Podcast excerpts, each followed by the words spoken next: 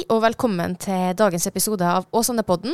I dag har jeg, Daniela Elvebakk Mala, og journalist Ove Landro fått med oss alpinist og Åsanes eneste OL-deltaker, Maria Tviberg. Hun er med på telefon fra Italia fordi hun eh, skal kjøre siste verdenscuprennet før OL. og Vi har derfor hatt litt problemer med lyden, så vi beklager at den er litt dårlig på Maria. Men velkommen skal du være i alle fall. Hei, hei. Hyggelig. Du Maria, vi må ta det fra begynnelsen. Snødde det mye i Spondal da du vokste opp? Nei, men jeg husker at hver gang det snødde, så var jeg ute åtte dagene godt når jeg hadde mulighet. Jeg har, uh, hadde en ratt, rattkjelke som jeg brukte titt og ofte når jeg hadde mulighet, men det ble jo fort uh, maks fem dager i året da. men du var medlem av Tertnes alpint i begynnelsen? Ja, jeg har vært medlem av Tertnes alpint helt til, helt til jeg lå egentlig. Ja, og det var jo sånn, hele familien flyttet til Geilo på et tidspunkt. Du måtte gjøre det for å kunne satse? Ja, det ble litt for lang pendlevei dessverre når Det du trenger litt mer enn fem dager med snø for å kunne bli god på ski. Så. Det var ikke snakk om å finne noe annet å gjøre på? Nei, jeg um, har liksom vært forelsket i alpin siden dag én. Og hatt veldig lyst til å drive med det. Og vært ekstremt heldig å ha foreldre som har støttet det. og gjort alt de kan for at jeg skal kunne satse, satse på det. Mm. Det har jo gått veldig bra nå i vinter. Du har en femteplass i slalåm, du har en åttendeplass i storslalåm, du har vel en niendeplass i storslalåm i Zagreb. Eh, du nærmer deg liksom medaljen, snuser litt på, på topp tre. Hva tenker du sjøl om eh, utviklingen i vinter? For Det er liksom slalåmen jeg har vært jevnest i og, og prestert best. Mens det er storslalåmen jeg har det beste resultatet i. Så, så jeg tenker at uh, formen er egentlig stigende, det er iallfall ikke dalende. Gleder meg veldig til å kjøre OL. og Det er kult med OL at eh, det er ingenting som henger sammen med det. på en måte, at Det er ikke noe verdenscuppoeng eller noe cup. Det er ingenting sånt. Det er veldig sånn et separat renn som gjør at det er veldig sånn vinn- eller forsvinn-følelse rundt det. Uh, og så er det kult at det er en arena som ingen har vært på før. Uh, nei, jeg gleder meg skikkelig og håper at at formen er, er stigende sånn som det føles inn mot mesterskapet. Da. Det hadde vært utrolig kult. Mm.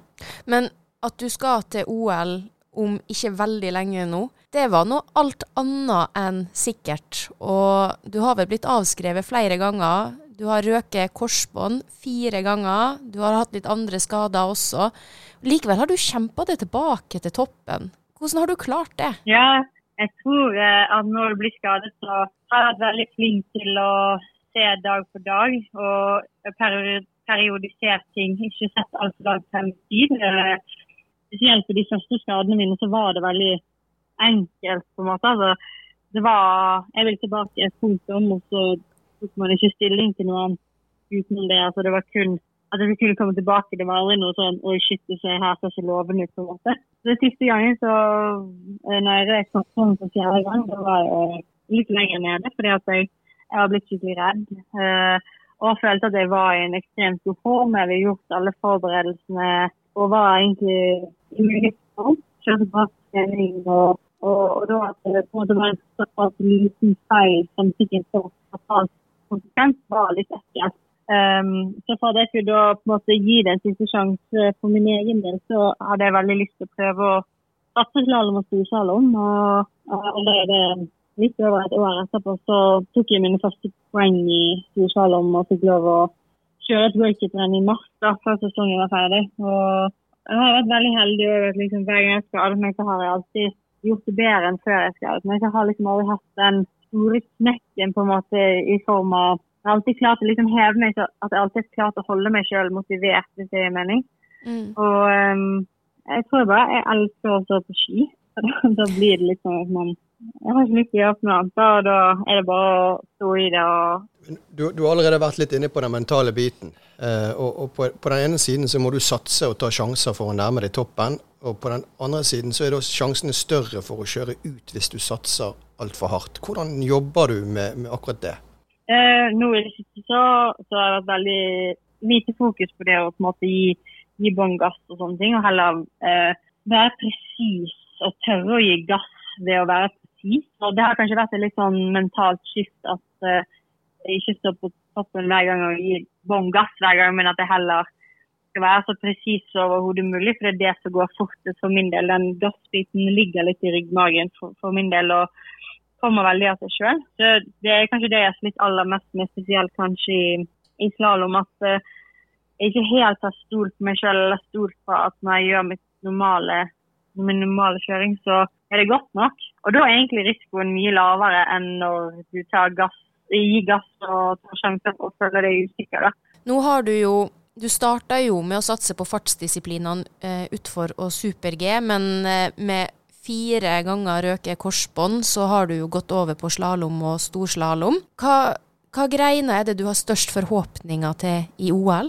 Det er vanskelig å si, for det er på en måte storslalåm som er favoritten min. Eh, men det er slalåm jeg har gjort det best i, i år, vil jeg si. Sånn jevnest i hvert fall.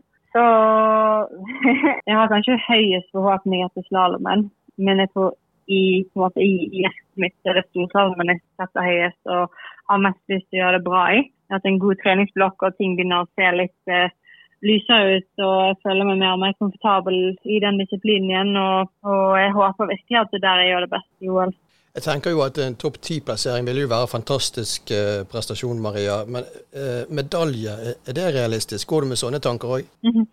altså, så hvis man ser i hvert fall på slalåmresultatene mine eh, og går inn og gjør eh, analyse, så har jeg vært nær, i nærheten av pallen et par ganger. Eh, med enkeltomganger. og f.eks. den gangen jeg lå femårskratt ut når jeg var litt over halvveis, så lå jeg òg an til å kanskje ta en pallplass. Og, uh, og når jeg ble fem i Sølden, så var det òg ganske tett opp til pallen, uh, der jeg taper ganske mye på toppen, som egentlig ikke bør.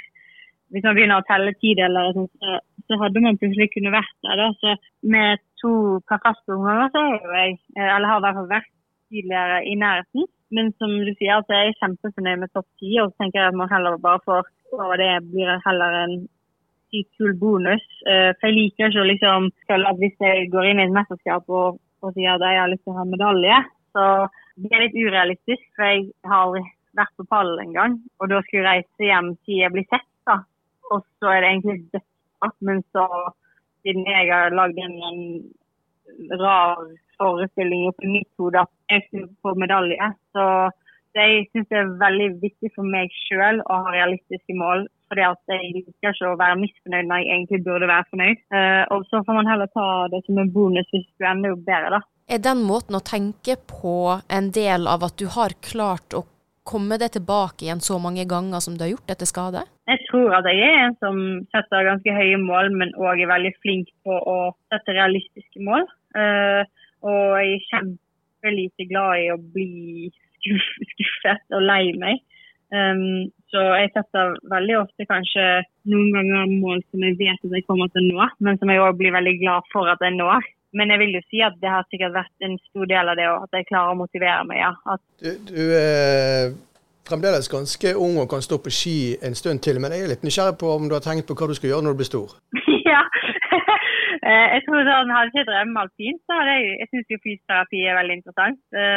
Og så syns jeg medisin er faktisk ganske interessant. For det, det, som er veldig fascinerende med medisin og fysioterapi, er at du kan ikke det, studere det hvis ikke du er på skolen 24-7. Og så på siden, så nå så går jeg på BI og tar noe sånn økonomifag. og Så nå har jeg hoppet over på eiendomsmegling. og Så ting er, ting er liksom litt oppi luften der. Og så holder du på Spondal-dialekten. Det er veldig bra. Du har vært et halvt ja, liv på, på Det er kjempeviktig. du kan høre at jeg er fra Bergen ennå. Ja, ikke sant. Nei, men uh, tusen takk for at du ble med fra Italia, Maria. Lykke til mot OL, og takk for praten. Masse lykke til. Ja, tusen hjertelig takk. Ja. Veldig hyggelig. Takk for at dere hørte på dagens episode. Som vanlig er vi tilbake neste uke.